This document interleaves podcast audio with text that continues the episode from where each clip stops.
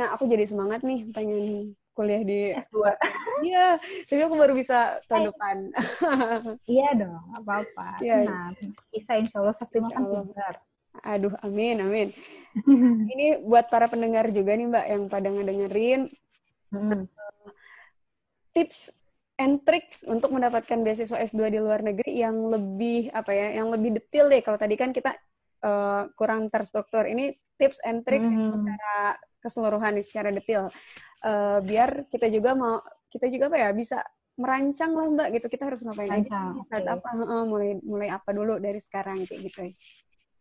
Kalau itu sebenarnya pertama kamu mau apply beasiswa di mana dulu? Maksudnya ini provider beasiswanya ya. Jadi Hmm. tiap provider beasiswa ada aturan yang berbeda. Jadi kamu harus tahu dulu tiap provider itu butuhnya apa. Nah, Mm-mm. Kalau misalnya udah tahu tuh provider ini butuh ini ini ini, nah dari Hmm. situ kamu ukur kemampuan kamu tuh sampai mana misalnya dengan bahasa Inggris tadi yang aku bilang. Mm-mm. Eh, aku tuh oh, bahasa Inggris aku cuma segini, tapi ternyata targetnya segini. Nah itu gap itu kamu harus isi. Bagaimana caranya? Misalnya kamu bisa autodidak belajar sendiri kan sekarang banyak tuh yang Mm-mm. namanya apa sih video-video atau rekaman-rekaman yang aplikasi-aplikasi juga ya. Banyak banyak banget. Nah itu sebenarnya bisa aja kalau kamu eh, pakai itu. Nggak kalau misalnya males ah les-les gitu nggak ada waktu Mm. atau males ngeluarin duit malas ngeluarin duit sayang gitu. Ya itu sih. iya kan sayang karena mahal juga lumayan ya. Eh, ya udah kalau gitu belajar sendiri aja. Kita lihat eh, nah tapi itu harus dilihat juga progresnya ketika kita memutuskan untuk belajar sendiri. Saya setelah sebulan improve nggak skor kamu gitu misalnya. Kalau enggak Mm-mm, ada oke. improvement ya mungkin bisa harus minta tolong orang eh, lembaga lain. Itu yang kedua.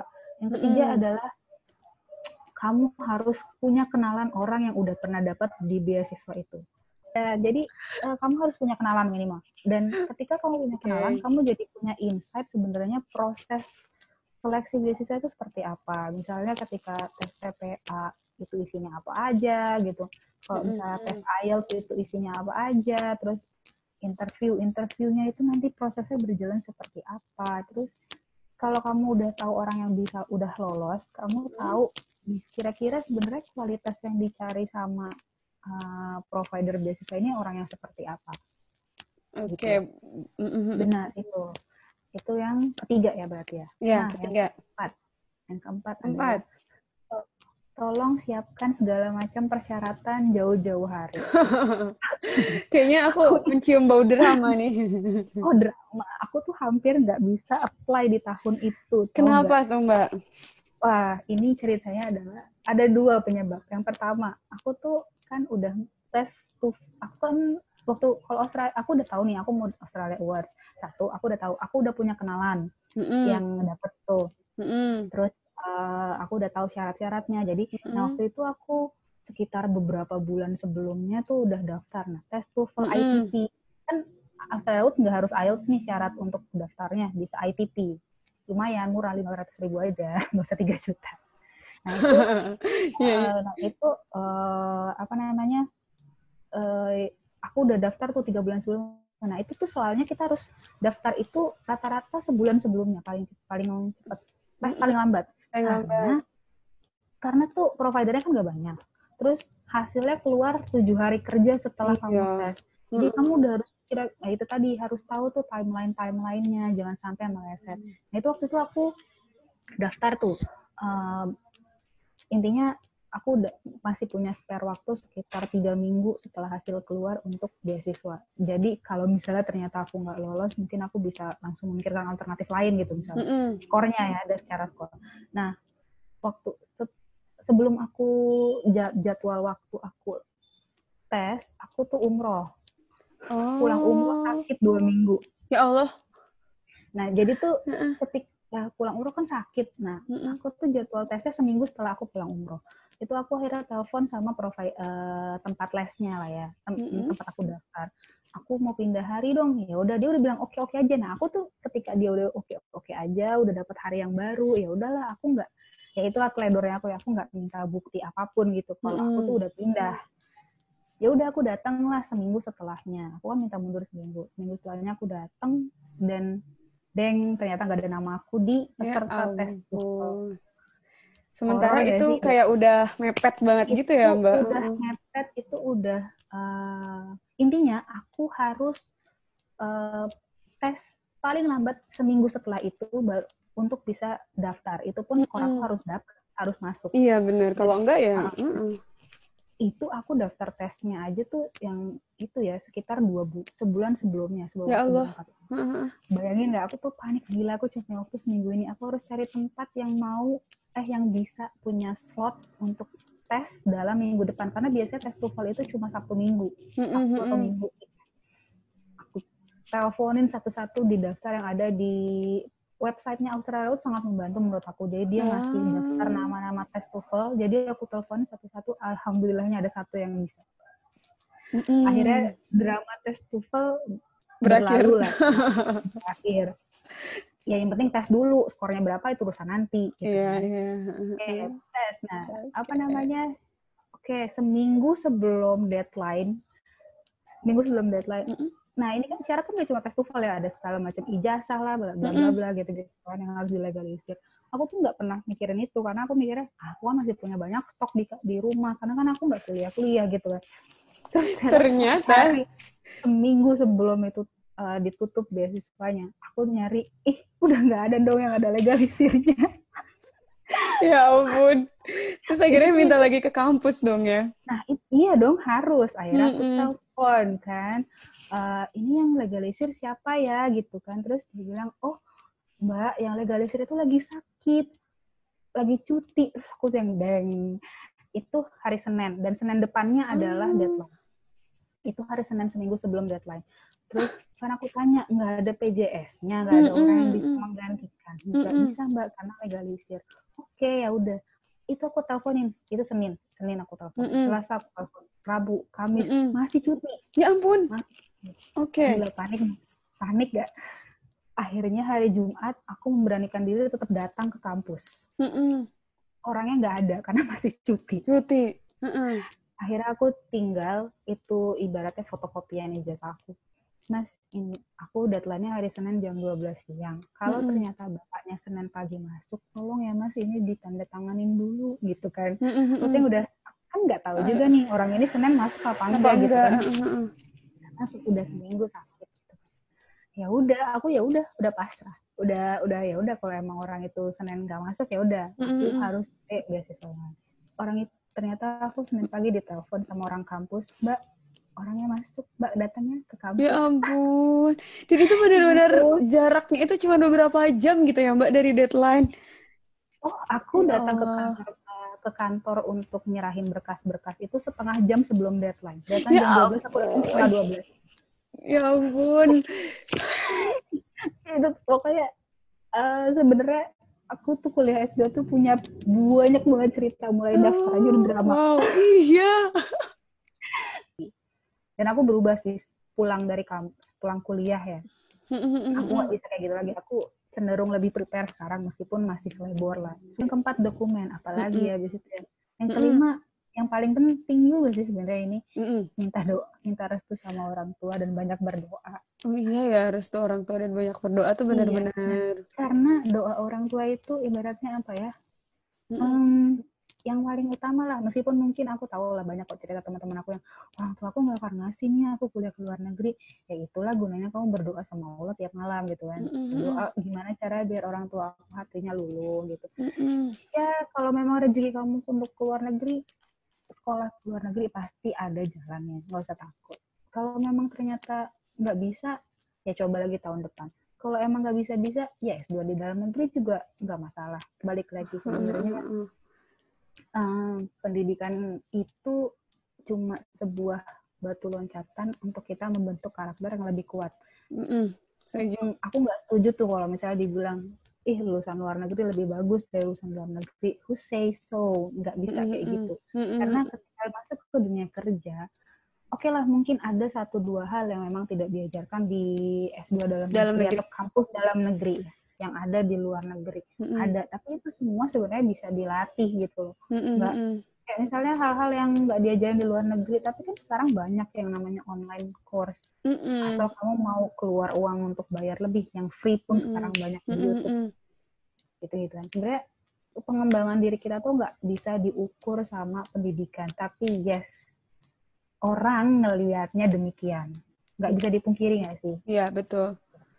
betul. Ya kamu dapat gelar lulusan S2 luar negeri, orang tiba-tiba memandang kamu lebih tinggi. Dan sebenarnya itu jebakan menurut aku ya. Ketika kamu, ih lulusan luar negeri, ekspektasi orang sama kamu otomatis sudah naik. Yang mana padahal mm -hmm. belum tentu loh kamu bisa me, apa ya memenuhi ekspektasi itu. Itu tantangan tersendiri lagi buat anak yang pulang dari S2 luar negeri. Berarti kalau di sana ya belajarnya harus benar-benar juga sih ya Mbak. Nggak nggak bisa yang hmm, yang penting gitu. Di sana gitu. Nanti kan kan siapa tahu misalnya uh, misalnya di sana nggak nggak lulus atau nggak lewat uh, eh, IPK apa sih kalau di sana Mbak standarnya sama-sama IPK? Iya, maksudnya Iya sama-sama. Sama-sama GPA ya, maksudnya sama-sama hmm. IPK gitu kan. Nah kan nggak bisa nih misalnya kita nggak lewat, terus sementara kita cuman kontraknya dua tahun, tapi kita belum lulus misalnya kan ngeri juga kan kalau kayak gitu. Ngeri ngeri banget yang kayak gitu-gitu. Hmm. Cuma ya memang ada satu dua kasus yang seperti itu, tapi tenang, maksudnya itu semua bisa diatasi lah. Maksudnya kayak ada yang bisa extension atau ada yang oke okay, balik ke dalam negeri eh ke Indonesia tapi kuliahnya via online. Kan sebenarnya yang namanya kuliah di luar negeri nggak mm -hmm. harus absen ya. Oh nggak mesti absen, absen. tuh, nah, yang penting tugas ngumpulin gitu ya? Betul yang penting tugas kelar semua hmm. assignment beres apalagi kalau yang namanya nggak ada ujian kalau nggak ada misalnya uh, ujian yang di ruang ujian ya misalnya mm -hmm. exam itu nggak ada ya udah itu mah bisa full online kamu nggak datang ke kelas bapak itu lecture dengerin recording aja udah beres Hmm, oke. Okay. Wah, kayaknya kalau aku kuliah begitu kali ya. Gak masuk-masuk, males. Bukan lebih baik kalau menurut aku itu lebih kayak ke uh, cara kita menilai sebenarnya bukan sombong ya menurut mm -hmm. aku ya. Lebih kayak ke kan kita tuh sama dosen juga ada cocok-cocokan loh menurut aku. Uh, uh, uh, uh. Ada, aku tuh nggak bisa ketemu dosen yang kayak gini gini gini gini gitu misalnya. Hmm. Padahal orang lain suka banget gitu enggak mm -hmm. tapi ketika aku masuk ke kelas ada satu ada satu dosen yang waktu itu aku ketika masuk ke kelasnya aku bawaannya ngantuk karena aku ngerasa uh, cara menjelaskan dia tuh suaranya pelan wah aku ah. ngerasa aku masuk ke kelasnya aku nggak dapat apa-apa daripada begitu mendingan aku dengerin uh, apa namanya recordingnya uh, dengerin recordingnya meskipun dia suaranya masih pelan tapi kan ketika kita dengerin recording library kita bisa sambil makan bisa sambil uh -uh. ngapain bisa diulang-ulang bisa diulang-ulang misalnya dia nggak kedengeran terus bisa sambil baca textbooknya gitu hmm. berarti kalau di sana setiap belajar mm -hmm. setiap kuliah tuh direkam gitu ya mbak kalau di yes. luar negeri ah. Semua ada rekamannya jadi misalnya kan Mm-hmm. Ternyata ada ada urusan nggak bisa masuk kelas gitu ya. Mm-hmm. Oke, okay. seru deh kayaknya kalau ngebayangin apa Mbak Rena semasa kuliahnya di sana di luar negeri.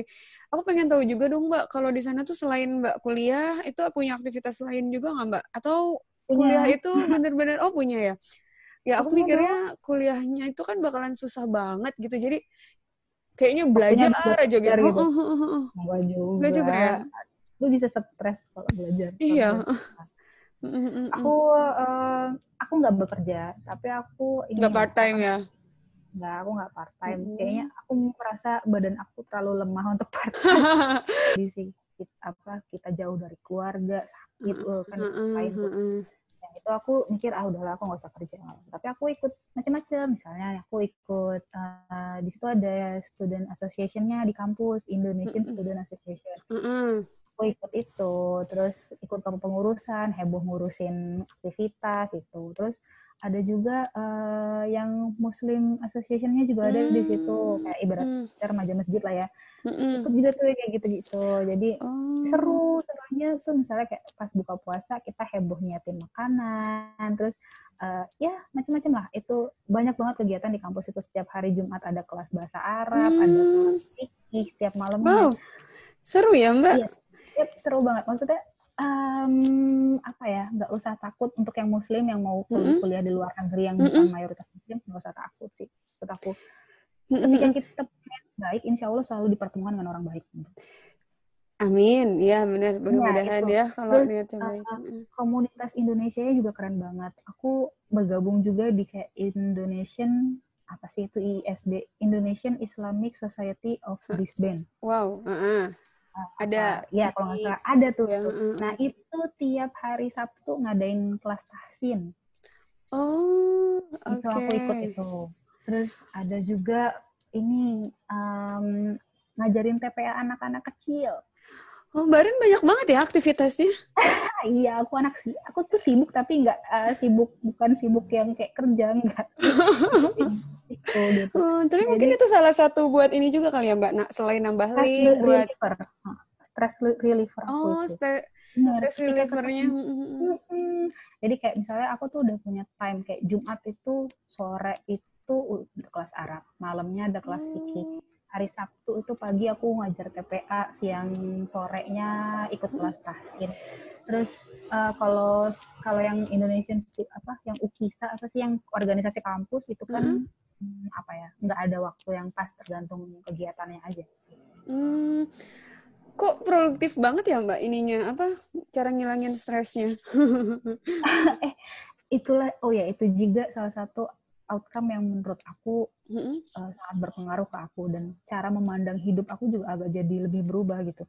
Karena uh, aku senang banget dengan kehidupan aku dua tahun di Brisbane karena di situ aku making impact menurut aku ya. Buat aku ketika aku hmm. misalnya ngajarin anak TPA ngajarin TPA orang Indonesia atau orang Indonesia. Uh, uh, tapi kan orang Indonesia anak-anak orang Indonesia yang tinggal di sana di sana hmm. nah, jadi uh, bisa anak mahasiswa bisa memang anaknya yang pekerja mungkin sana, uh, resmi. Uh. Jadi uh, ketika kita making impact kayak misalnya itu anak jadi bisa baca abatasa karena seneng banget ya itu. Ya, seneng banget ya ampun, seneng banget.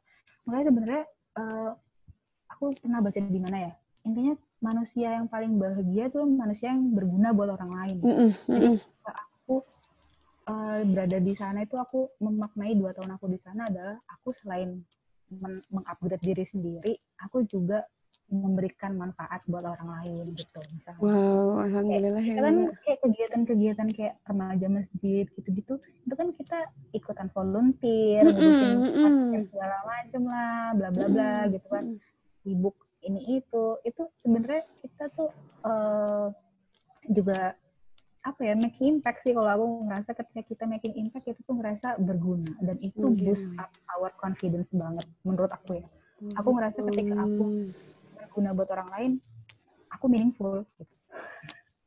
kalau traveling aku selama di sana juga traveling kok. Hmm, setiap liburan kita mulai dari hmm. yang deket-deket maksudnya kayak misal hmm. dalam jarak satu dua jam dari tempat kuliah. Hmm. tapi yang jauh beda negara mungkin juga bisa gitu maksudnya uh, kita punya berbagai macam cara untuk menghilangkan stres dan itu semua tuh bikin kita termotivasi. Misalnya kan kayak aku waktu itu alhamdulillahnya bisa jalan-jalan jauh tuh. Mm -hmm. uh, ke ke New Zealand. Ah, mm. Dan ketika kita udah punya rencana ya ke New Zealand, kan mau nggak mau harus nabung, mm -hmm. harus kayak misalnya oh berarti aku ujian ini harus ke eh tugas aku harus kelar tanggal segini biar oh, aku udah bisa siap-siap segala macam gitu-gitu lah. Uh, uh, itu sebenarnya kayak punya, punya goal untuk bisa traveling ke itu bisa jadi motivasi juga. Itu satu. Wow. Oke okay, Mbak, mungkin closing statement nih buat teman-teman para pendengar yang masih punya kepercayaan diri yang kerdil gitu kayak aku masih okay. percaya diri buat kuliah ke luar negeri mungkin uh, closing statement dari Mbak Rena biar kita termotivasi. Jangan merasa berkecil hati kayak misalnya, ih bahasa Inggris aku mm -hmm. uh, pas-pasan. Iya. Yeah. Bisa jadi kamu ngerasa pas-pasan kalau mungkin standar kamu terlalu tinggi. Satu ya. Itu sebenarnya menurut aku um, banyak orang Indonesia tuh standarnya terlalu tinggi dan sangat mudah mengecilkan diri sendiri. Jadi uh, coba value yourself higher gitu. Jangan mm -hmm. lihat jangan ngelihat selalu kayak ih dia S2 luar negeri, gue S1-nya aja cuma di sini. Jangan lihat ke situ, coba hmm. lihat kayak misalnya hmm. kamu S1, coba lihat kerjaan kamu sehari-hari ngapain. Kamu udah bisa bikin apa? Bos kamu uh, cara memperlakukan dia, eh cara dia memperlakukan kamu, mengapresiasi kerjaan kamu gimana. Ketika kamu udah bisa melaksanakan tugas yang diberikan ke kamu dengan baik, you are good gitu. Jangan mengerdilkan apa ya satu deh, kamu tuh ciptaan Tuhan kan uh, ciptaan Tuhan itu adalah kita tuh diciptakan dalam bentuk terbaik. Hey, kamu tuh terbaik. Mm-mm. Iya, kamu merendahkan diri kamu sendiri gitu loh. Maksud apalagi kita yang muslim ya. eh, apa namanya? Kita tuh diciptakan dalam bentuk terbaik gitu. Masa iya kita mau ngerasa rendah diri gitu. Kalau aku. Wow. Ini aku aku catat tau Mbak buat jadiin kuat. Iya, gitu. ya gitu deh. Aku ngerasa kita kayak malah menzolimi Tuhan kalau misalnya kita ngerasa kita nggak punya apa-apa gitu. Wajar kita ngerasa kurang di satu dua hal, tapi kalau kita ngerasa nggak bisa apa-apa, kita ngerasa nggak punya apa-apa itu salah menurut aku. Wajar kalau kita ngerasa, duh aku kurang nih bahasa Inggrisnya. Wajar, kurang ya. Bukan nggak bisa. Ingat, kurang itu bisa diimprove. Oke, iya benar-benar. Iya benar-benar ya. Oke, Mbak Rena, thank you banget ini atas petuah-petuahnya, motivasi-motivasinya. Iya, ini ini mudah-mudahan menginspirasi banget karena memang tujuan podcast ini tuh sebenarnya buat anak-anak kayak semacam yang kuliah gitu kali ya. Aku lebih sasarannya lebih ke situ. Terus yang kayak sepantaran-sepantaran aku lah yang yang masih eh, pengen banget apa eh, Mencari jati diri. ya mencari jati diri juga dan pengen ngimprove Kuliah nggak ya gitu. Ah, dan masih ngerasa aduh aku tuh siapa sih aku tuh mungkin gak sih bisa kayak gini bisa Iya. kayak gitu kayak gitu sih kita mbak semua pernah Mm. mengalami fase itu dan aku tidak akan menjudge karena aku pun pernah mengalami pernah fase itu. mengalami fase itu. Tapi percaya deh, itu semua akan terlewati. Ketika kamu berani mengambil satu langkah ke depan, kamu sebenarnya udah melampaui diri kamu gitu. Wow, iya iya. Oke, okay, thank you Marina. Iya. Assalamualaikum. Iya, waalaikumsalam.